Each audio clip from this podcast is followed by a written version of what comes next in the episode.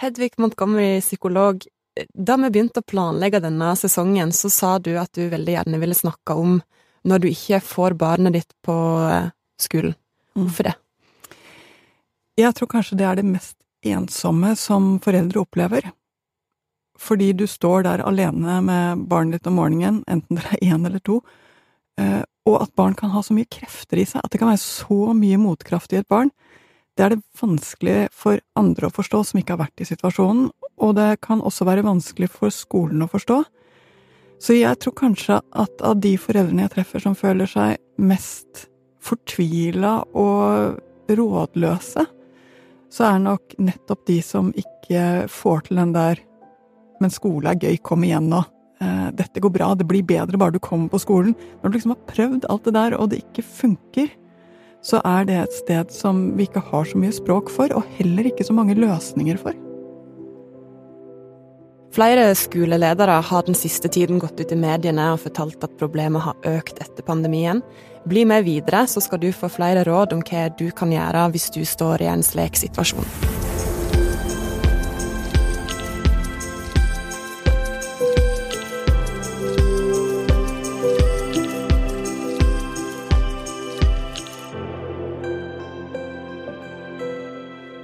Hører på Foreldrekoden fra Aftenposten, og jeg heter Amalie Læring. Hedvig, når det er snakk om dette problemet, så får du ofte høre at sånn var ikke før, eller at dagens foreldre blitt, har gitt barna for mye makt til å kjenne etter på ting. Har jeg rett? Er dette et moderne problem? Altså For det første er det mye vi ikke vet her, fordi vi har ikke så mye data på det. Man har ikke målt systematisk hvor mange som gjentagende uteblir for skolen uten noen eh, påviselig fysisk grunn. Så det ene er at vi vet ikke så veldig mye om det.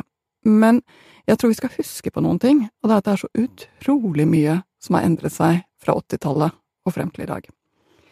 Noe av det som har endret seg, er for eksempel eh, lengden på skoledagen, fordi selv de minste barna, fem-seksåringene, går nå vanligvis både på skole og på SFO eller AKS, som gjør at de får fulle dager.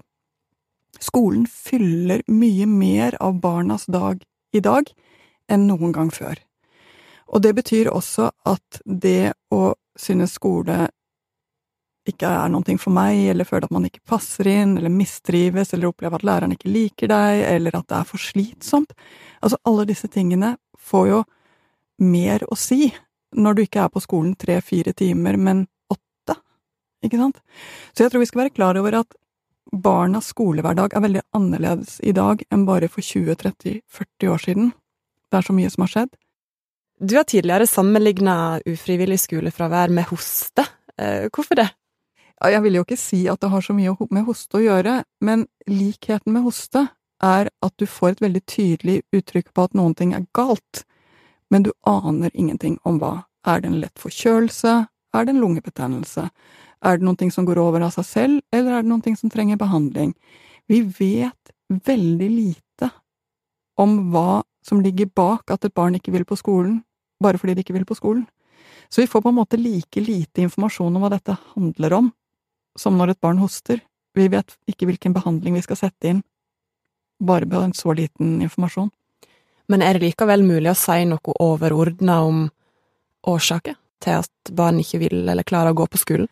Ja, du, det er et godt spørsmål, eh, og svaret på det er ja, vi vet ganske mye, det er bare det at svarene er i en stor vifte. Det er så mye forskjellig, og vi kan nok dele det inn i fire forskjellige grupper. Hvis vi starter med den første, første gruppa. Mm. Den første gruppa handler rett og slett om hva barnet får til på skolen, altså om det har lærevansker som ikke er oppdaget, sånn at uh, barnet ikke får til det som er forventet, eller at barnet får til altfor mye, sånn at det ikke gir mening for ham eller henne å sitte og gjøre de oppgavene som bare føles ja, ut som tidtrøyte. Så det ene er rett og slett passer nivået på skolen med det barnet kan, og får barnet riktig hjelp uh, for sin måte å lære på og for sitt kunnskapsnivå, eller for den dysleksien eller for den problemen med matematikk som kanskje ikke engang er oppdaget. Så ja, alle disse pedagogiske problemene er den store første gruppen. Så det var den første gruppa. Hva er den andre? Ja, den andre er rett og slett hvordan barnet har det med sykdommer og plager. Og det høres kanskje rart ut, fordi at det burde jo være så enkelt at man kunne spørre barnet har du vondt noe sted, og så svarer barnet ja, og så får du ganske presis informasjon. Men sånn er det ikke med barn. Deres eh, fysiske opplevelse gjør at de ofte ikke klarer å sette ord på hvor det er vondt, eller hva som er vondt. De blir fort vant til kroniske smerter, sånn at de ikke engang oppdager det som noe galt, de bare blir slitne av det. De kan svare at det gjør vondt ett sted, og så er det egentlig et helt annet sted. Så de fysiske plagene til barn gir seg ofte andre uttrykk enn nettopp klaging på vondt i armen, for eksempel, og så kan det vise seg at det er en brist i armen, at det var derfor hun var så trøtt hele tiden og sur hele tiden. Så det å oppdage hva det er for noe fysisk som plager barn, er også litt detektivjobb. Og den tredje, tredje gruppa? Ja, den tredje gruppa er jo det som handler om hjemme. Eh, for barna har jo et hjem, de også, og de kan av forskjellige grunner bli urolige av situasjonen hjemme. Det kan være søsken det er eh, noe galt med, eller det kan være at de er urolige for pappa eller mamma som er sjuke. Altså, jeg vet jo selv hvor vanskelig det er å gå på jobb når jeg har bekymring for barna. Barn kan også ha bekymring for oss. Det kan være at det er eh, mye uro hjemme som gjør at de ikke får hvilt og slappe av nok, som gjør at de ikke er klar for å gå på skolen. Så ja, hjemmesituasjonen er liksom den tredje gruppen. Og den siste? Ja, den siste det er jo den som eh, vi kanskje gir mye oppmerksomhet nå, og som også er det av en god grunn, og det er at barn, kanskje spesielt i åtte, ni, ti, elleveårsalderen, kan kjenne mye på angst og uro for alt mulig rart. Krig, ulykker, at noen ting skal gå galt, eller bare udefinert for å bli sett, sånn at den der angsten for alt som kan gå galt, har noen blomstringstider som i barneskolealderen ofte handler om eh, rett og slett ulykker eller krig eller usikkerhet, mens det på ungdomstrinnet mye mer handler om å bli sett og bli avslørt. Så du hører, det er en kjempevifte, og nå har vi ikke engang tatt alle. Og for sikkerhets skyld kan disse kombineres og gå over i hverandre. Så det er en veldig stor vifte som bare sier noe om at her er noe galt, og vi vet ikke hva ennå.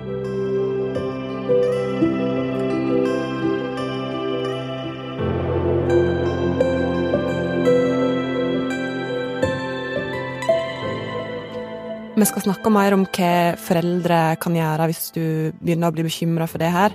Men hvis vi starter litt med å snakke om begrepet, fordi tidligere så har vi snakka mye om skolevegring eller ufrivillig skolefravær. Hva er egentlig det? Altså, Vi sliter jo litt med begrepene her. Vi begynte jo med skulk.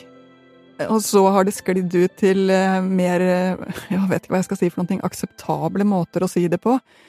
Eh, man har vel prøvd med ufrivillig skolefravær å si noen ting om at man ikke legger skylda på noen, i utgangspunktet. Så sånn sett så er det jo et ganske godt begrep, fordi det ikke er sånn peke på barnet-begrep. Ehm, men igjen, jeg tror ikke vi har funnet noe godt ord for dette her, og det kommer rett og slett av, tror jeg, at fenomenet er altfor stort og altfor omfattende. Men hvordan kan vi si at det skiller seg, uansett hva du kaller det, da, ufrivillig skolefravær? Hvordan skiller dette seg fra å bare ha en periode der du ikke vil på skolen, sånn som mange barn har i løpet av skoletiden? da? Jeg tror vel det skal godt la seg gjøre å gå 13 år på skolen uten å ha en periode hvor du syns det er mindre motiverende eller mindre meningsfullt å gå på skolen. Jeg tror nok det som skiller seg, er både lengden på det, altså det varer i uke etter uke, og intensiteten i protestene og motstanden.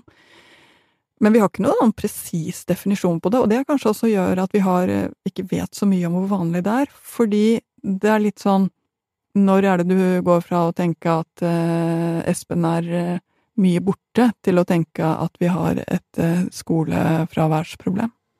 Ja, for ei mor jeg snakka med i forbindelse med denne episoden, hun hun snakker om en sånn vanskelig mellomfase, at sånn i starten, når barnet begynte å grue seg til å gå på skolen, så tenkte hun sånn ja, men det er helt normalt, alle har det sånn, og så kom det sånn, en fase der gruingen begynte å bli litt mer hverdagslig, da, og det var da den der bekymringen og eh, slo, slo, inn, da, at det var fryktelig vanskelig å vite hva jeg skal gjøre, er, dette, er det normalt, eller skal jeg gjøre noe, og det er jo en vanskelig fase å stå i som forelder, da. Ja, og det er igjen vanskelig å si. Er dette en god grunn til å være hjemme, Eller er det bare å gå på skolen og presse seg gjennom dagen? Det finnes jo ikke noe røntgenbilde eller noe test vi kan ta for å, for å vite forskjellen på de to, men jeg tror at tommelfingerregelen er at når et barn en dag føler seg litt pjusk eller har sånn litt lyst til å være hjemme, så har du mye igjen for å si jeg vet, alle dager er ikke topp, men kom, gå av gårde, og så blir det litt bedre når du først har kommet i gang, og viser det seg at du blir dårligere, så får du heller si ifra til læreren. Altså rett og slett få dem over dørterskelen så ofte som mulig. Men når det har blitt vanskelig, når du har gått fra at uh, du har prøvd dette og ikke lykkes med det, og den kommer igjen dag etter dag etter dag, ja, da må du begynne å lete i viften. Hva er det det handler om? Ja, for når du begynner å bli bekymra, hva er det som første skritt? Hva skal du gjøre da? Jeg tenker jo alltid at første skritt er å ta en prat med læreren. Eh, det høres kanskje litt sånn selvsagt ut, men det er mye, mye vanskeligere enn det høres ut, fordi som forelder så har du så liten lyst til å føle deg mislykka, og det å si nå er dette skikkelig vanskelig hjemme hos oss, det er jo litt å føle seg mislykka. Men læreren har sett det før, og har ofte også et blikk på hvordan er det på skolen, altså kan begynne å tenke og være med deg. Så det første er rett og slett å skaffe seg alliansen med skolen. Er det både på barneskole, ungdomsskole og videregående, eller noe skille her? Nei, jeg tenker at det gjelder hele veien. Eh, og rent, altså hvis vi ser på det formelle i det, så kan ikke foreldre få like mye innsyn i hvordan det er på skolen for barna når de har fylt 18, men helt frem til da så har vi like mye ansvar, faktisk mer, enn barnet selv. Og også når de har fylt 18, så trenger skolen det samarbeidet med foreldre, spesielt når det har blitt vanskelig. Så her er rett og slett søke den der vi leter fra hver vår vinkel og prøver å få dette til sammen, få til den tonen. Eh, for noe av det som gjør dette vanskelig, er også at jo lengre det går, jo mer sikre blir man på at det må være noe annet enn en selv, ofte. Det vil si at du blir litt sånn ja, men det må være noe på skolen, sikker. Det kan være, eller det kan ikke være. Klarer du å komme i denne samtalen før det har blitt litt sånn fastlåste forståelser, og skolen kan begynne å tenke at det er klart det er noe hjemme, uten at de egentlig vet det? Så jo tidligere man får denne felles forståelsen av at vi må jobbe sammen som skole og hjem her, jo bedre er det. I en drømmesituasjon. Men den sjølve dialogen eller kommunikasjonen med skolen, da, hvordan kan du best mulig kommunisere inn mot skolen og få dem til å forstå alvoret? Jeg tror de ganske fort forstår alvoret når du er eh, ærlig og bruker ganske sånn vanlig språk på det. Så jeg tenker at der er ikke gjør det til noe større enn det det er. Eh, vi vet ingenting annet enn at her trengs det voksne rundt barnet. Det er det vi vet. Men hva gjør du da hvis, i de tilfellene der dialogen med skolen ikke fører fram, da? Da må jeg bare si at jeg tror aldri det er nok i seg selv. Men begynn alltid der. Det andre er ta også en tur til fastlegen og få undersøkt så godt det er mulig at barnet har det bra fysisk, Eh, også fordi at det blir en annen som kommer inn og snakker med barnet og spør hvordan det går. Så jeg tenker at den der samtalen der er fin. Og så finnes det jo mer hjelpeapparat rundt etter hvert. Eh, pedagogisk psykologisk tjeneste, PPT, finnes i alle kommuner og har en pedagogisk eh, kunnskap som kan være nyttig igjen, et annet blikk inn på hva er det for noen ting som skjer. Og så tror jeg også at det høres kanskje helt pussig ut, men nå har vi hatt mye både fokus på det, kanskje fordi vi har fått språket for det, også fordi vi har vært igjennom en periode hvor alle barn har vært mye hjemme. Så mange barn nå, etter koronaen, har jo hatt en sånn idé om at hjemmeskole går jo faktisk an. Eh, og mange har også utviklet en ganske betydelig frykt for virus og bakterier, og veldig sånn kjenne etter er jeg egentlig helt frisk? Beskjed som de jo har fått, som de jo fikk hva gjør du da som forelder? Det ene er at jeg tror her gjelder det å ikke få for mye panikk. Det er å avlære seg noen mønstre som noen barn sitter med, og uansett så handler det om å være med barnet skritt for skritt til at det går tilbake igjen til skolen. De store kampene, det der hvor man tar i barnet, river i det, skriker til det, eh, prøver å rive det med seg, vil jo ikke føre frem. Jeg tror ikke det er noen som har opplevd noe skolelyst av å bli halt i. Så jeg tror at når du ser at det er blitt et problem, så må du også slå deg litt til ro med at det kanskje tar litt tid å løse også. Eh, for quickfixen finnes ikke på dette feltet heller i de fleste tilfeller, men vi kan begynne å gå i riktig retning. En av foreldrene jeg snakka med, som hadde et barn på barnetrinnet, sa at morgenene var ekstremt vanskelige i den perioden barnet ikke ville på skolen, da. Og så var den derre frykten for hvis du pusher på og nærmest tvinger barnet på skolen, så det, kan det bli feil, men så var den der frykten for at ja, hvis du åpner døra for at barnet kan være hjemme, så blir det feil òg. Hva skal du egentlig gjøre, skal du pushe dem til å gå? Det er jo ikke alltid du har så mye valg, eh, men jeg tror det du skal være klar over, det er at det er ikke et alt eller ingenting-valg. Det vil si at det å få barnet til å gå på skolen noen timer den dagen, er bedre enn at barnet er hjemme hele dagen. Og vi skal også være klar over en ting til. Uansett hvor liten og fortvila du føler deg selv når du har et barn som bare nekter noen ting, så er du fortsatt mye, mye større enn barnet. Fysisk makt, i form av å hale i barnet, prøve å bære det, tvinge det ut i bilen, den type ting, fungerer rett og slett ikke fordi barnet kommer til å føle seg så liten. Han eller hun er mindre.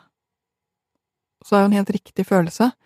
Kommer til å føle seg så full av eh, protest at neste runde bare blir enda verre. Så alt vi kommer noen vei med, er overtalelsene, er det å komme i gang med at ja, men det er slik dagen ser ut. Og så er det også pussig, men det har vi jo hatt i foreldrekoden noen ganger. Midt i kampens hete kommer det sjelden gode løsninger. Så av og til så får man ta den der og tenke at ok, jeg får ikke til så mye akkurat nå, men vi kan snakke om det senere. Og hvis det er dit du kommer og sier ok, det var så langt vi kom i dag, men du, vi snakker om det når jeg kommer hjem etter jobb, og så tar vi en ordentlig runde på det. Da har du liksom sådd at dette kommer vi til å snakke om igjen og lete etter løsninger på igjen, og så er det faktisk litt lettere både for deg å gå på jobb, eller hva du nå skal gjøre den dagen, og litt lettere for barnet å vite at det er i hvert fall ikke resten av livet, det er akkurat nå.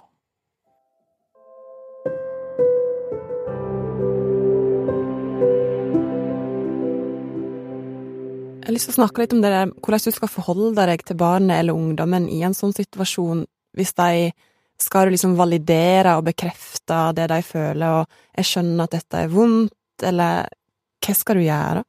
Altså, det rare med å si at, vet du hva, jeg ser at du har det skikkelig vanskelig akkurat nå, men jeg vet også at det ikke er sånn resten av dagen nødvendigvis blir.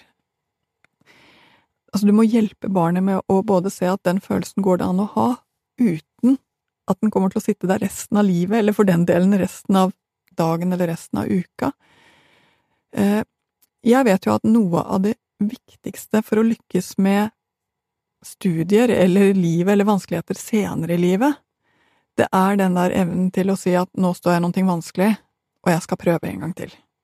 Det er kanskje den tingen som mest forutser hvordan det går med barn senere, mer enn både intelligens og talent. Eh, fordi når du lærer deg at ok, dette kan være skikkelig vanskelig, og allikevel så er det verdt å prøve igjen, da får du med deg en skikkelig, skikkelig, skikkelig ryggrad. Og det er jo litt grann håpefullt, for det betyr at barn som går igjennom skikkelig vanskelige perioder, kommer ut av det og har lært seg noe nyttig om at det går an å komme seg over skikkelig vanskelige situasjoner. Men hvis du på en måte støtter veldig og er sånn ja, jeg skjønner at dette er vanskelig, da vil det jo være en slags frykt for at du gjør det, at du bare underbygger og gjør det verre òg? Ja, vet du hva, du har så rett, og poenget her er nettopp at du ikke skal stå og slure med barnet i at å, nå var det vanskelig, og nå var det slitsomt, og nå får du ikke til å gå på skolen, og stakkars deg, ja, for skolen er kjip, ja, men jeg skjønner det er vanskelig på skolen. Altså, hvis du står der, så blir du jo ti eller åtte eller 14 år selv. Det barnet trenger, er det en voksen som kan si, ja, vet, noen dager er skikkelig kjipe å komme i gang med, eller noen ganger kjennes det akkurat så vanskelig som dette ut, og allikevel så finnes det veier rundt den følelsen, eller ut av den følelsen. Vi må bare lete etter dem, vi må finne ut av det. Vise dem at det finnes en vei ut av følelsen.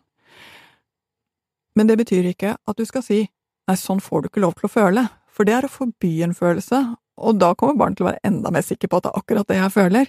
Så det handler rett og slett om å nikke til den følelsen, kanskje kjenne igjen uten at du trenger å si så mye om det, men kjenne igjen det der stedet i deg selv hvor du vet noe om hvordan det er å ha det sånn, sånn at du kan være med barnet på den veien som skal til nå, nemlig bort fra den følelsen. Så nei, du skal ikke bli stående og slure i barnets smerte, men du skal nikke til barnets smerte og ta det i hånden. En av eh, følgerne våre på Instagram lurte på hva man kan gjøre for å motivere barnet til å, til å ha lyst til å gå på skolen igjen, eller til å klare det igjen. Mm. Altså, det som er vidunderlig med motivasjon, det er at det handler om å få til.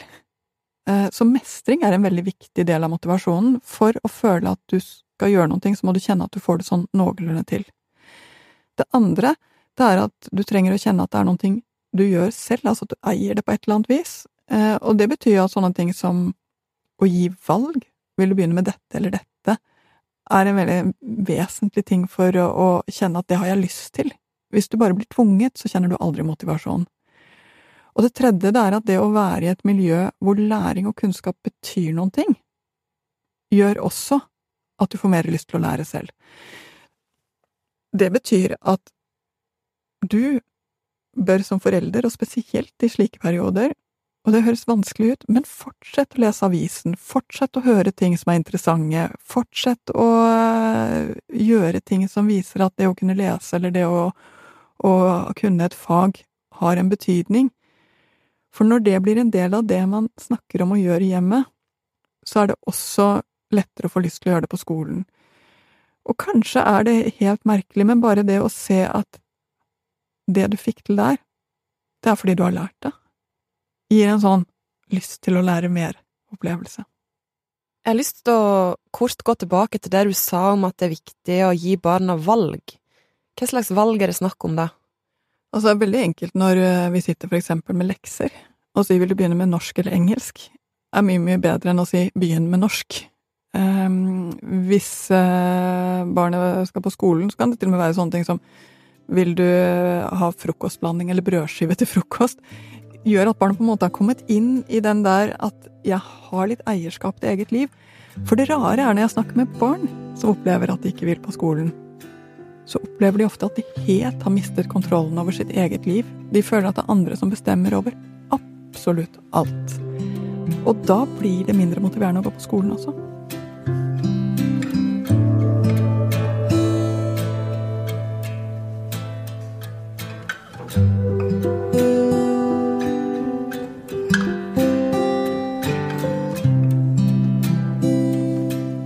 Du nevnte jo innledningsvis at flere foreldre i en sånn situasjon kan føle seg veldig alene. Eh, hvordan kan du ta vare på både barnet eller ungdommen din og deg sjøl i en sånn situasjon, for det er jo veldig vanskelig for foreldre å stå i òg? Veldig, veldig vanskelig. Og jeg tror jo noe av det som gjør det vanskelig, det er at veldig mange andre foreldre ikke sliter med dette. Det er lett, liksom. Og hver gang du har et skikkelig stort problem selv, som andre sier, men det er jo lett til, så føler du deg veldig liten og dum. Men hva tror jeg er det viktigste? Ta vare på de lukene i livet ditt hvor det er noe annet som skjer, hvor du treffer venner og snakker om noe helt annet, hvor du ler av noe sammen med kjæresten din, hvor det fortsatt er et liv. Og det rare er at for at barn skal få lyst til å bli voksne selv, så trenger de jo å se voksne som har et liv som ser sånn noenlunde ålreit ut, som man får lyst til å strekke seg inn i. Så når barna har det vanskelig, så nytter det ikke å slippe alt du har i hendene selv og løpe til pumpene og tenke at nå skal jeg ofre alt av min tid og alt av mine interesser for å hjelpe barnet mitt. For da føler barnet seg igjen helt som en arbeidsoppgave og ikke som et familiemedlem. Så mitt beste råd til foreldre, ta vare på det lille du har som fortsatt er til å føles godt med.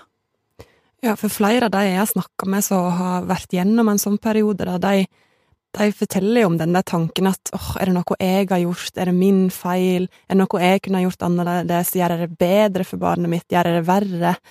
Alle de tankene, da. Altså, det å være forelder er jo å havne i situasjoner av og til hvor du blir så i tvil om hva du driver med. Og du lurer på om barnet ditt hadde hatt det bedre noe annet sted av og til. Eh, det er jo ikke noe rart. Jeg tror nettopp derfor så er det å snakke med en klok medmenneske, voksen, lærer eller en uh, psykolog eller en pedagog som har sett noe lignende før, og som kan vet akkurat denne ene tingen. Nei, vi kan ikke forutse hvilke barn eller hvilke foreldre som kommer til å slite med dette, men vi vet at det rammer ganske mange hvert år. Vi har òg fått innspill fra eh, lytterne våre som jobber som lærere. De lurer, på, de lurer på hva de kan gjøre eh, for å hjelpe disse elevene eller disse familiene på en best mulig måte. Det er jo et stort spørsmål, men går det an å si noe i grove trekk? Jeg tenker ofte slik på det. Skal det være vits i å komme et sted, så må det være fordi det er noe for deg der, altså at det er et godt sted å komme til. Er det et godt sted å komme til, så vil det stort sett også bli.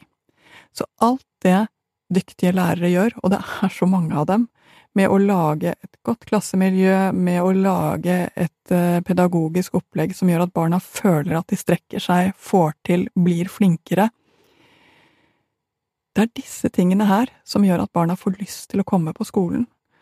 Og jeg tror at det viktigste for lærere å unngå når de har et barn som ikke vil på skolen, det er å begynne å lete etter hvem sin skyld det er,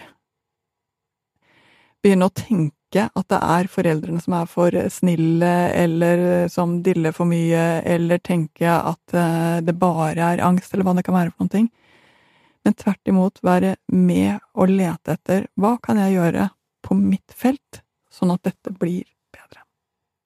En av foreldrene jeg snakka med, eh, som hadde opplevd dette, hun sa at hun var redd for å fortelle andre foreldre om om dette problemet, for hun var redd for at de skulle tenke på hennes barn som et problembarn, og at det skulle gå utover barnet på en negativ måte, da. Hvor åpen skal en være med omgivelsene om det her? Er det ikke helt vidunderlig hvordan vi driver og sammenligner oss med hverandre og er redd for hverandres blikk?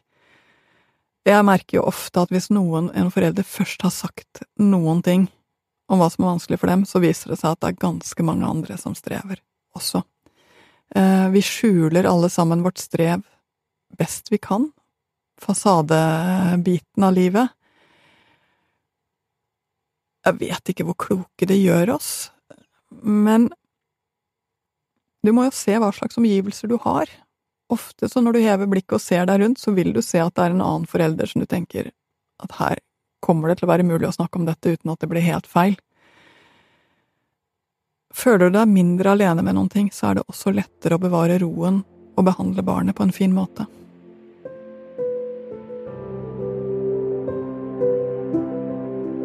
Vi skal runde av, men avslutningsvis, hva er det viktigste å huske på for foreldre som står i en sånn situasjon? Jeg tror det viktigste å huske på, det er at skolen er ganske lang. Det er mange år og mye repetisjon. De har det samme igjen og igjen i forskjellige sirkler, nettopp fordi de trenger repetisjon. Men det betyr også at det å komme tilbake er ikke så vanskelig som det det høres ut. Det er lett når barnet ikke har gått på skole på kanskje noen uker eller måneder, å tenke at dette blir kjempevanskelig å komme tilbake, men det blir det ikke. Hvis vi bare leter etter veien tilbake til skolen og gir barnet den muligheten å koble seg på igjen. Takk til deg, Hedvig. Foreldrekoden har ei egen Facebook-side der du kan be om, og ikke minst dele råd og tips. Følg oss gjerne på Instagram òg, der vi deler gullkorn og sitat fra episodene. Og hvis du lurer på noe, så send oss gjerne en mail på foreldrekoden at aftenposten.no. Foreldrekoden er ellers laga av meg, Amalie Læring, og produsent Fride Nesten Nonstad. Ansvarlig redaktør er Trine Eilertsen. Ha det bra!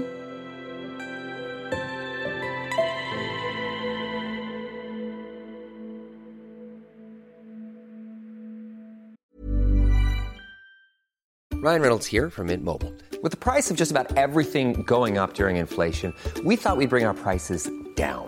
So to help us, we brought in a reverse auctioneer, which is apparently a thing.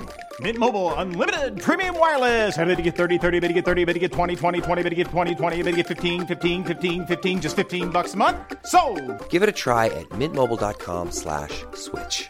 $45 upfront for three months plus taxes and fees. Promo rate for new customers for limited time. Unlimited more than 40 gigabytes per month. Slows. Full terms at mintmobile.com.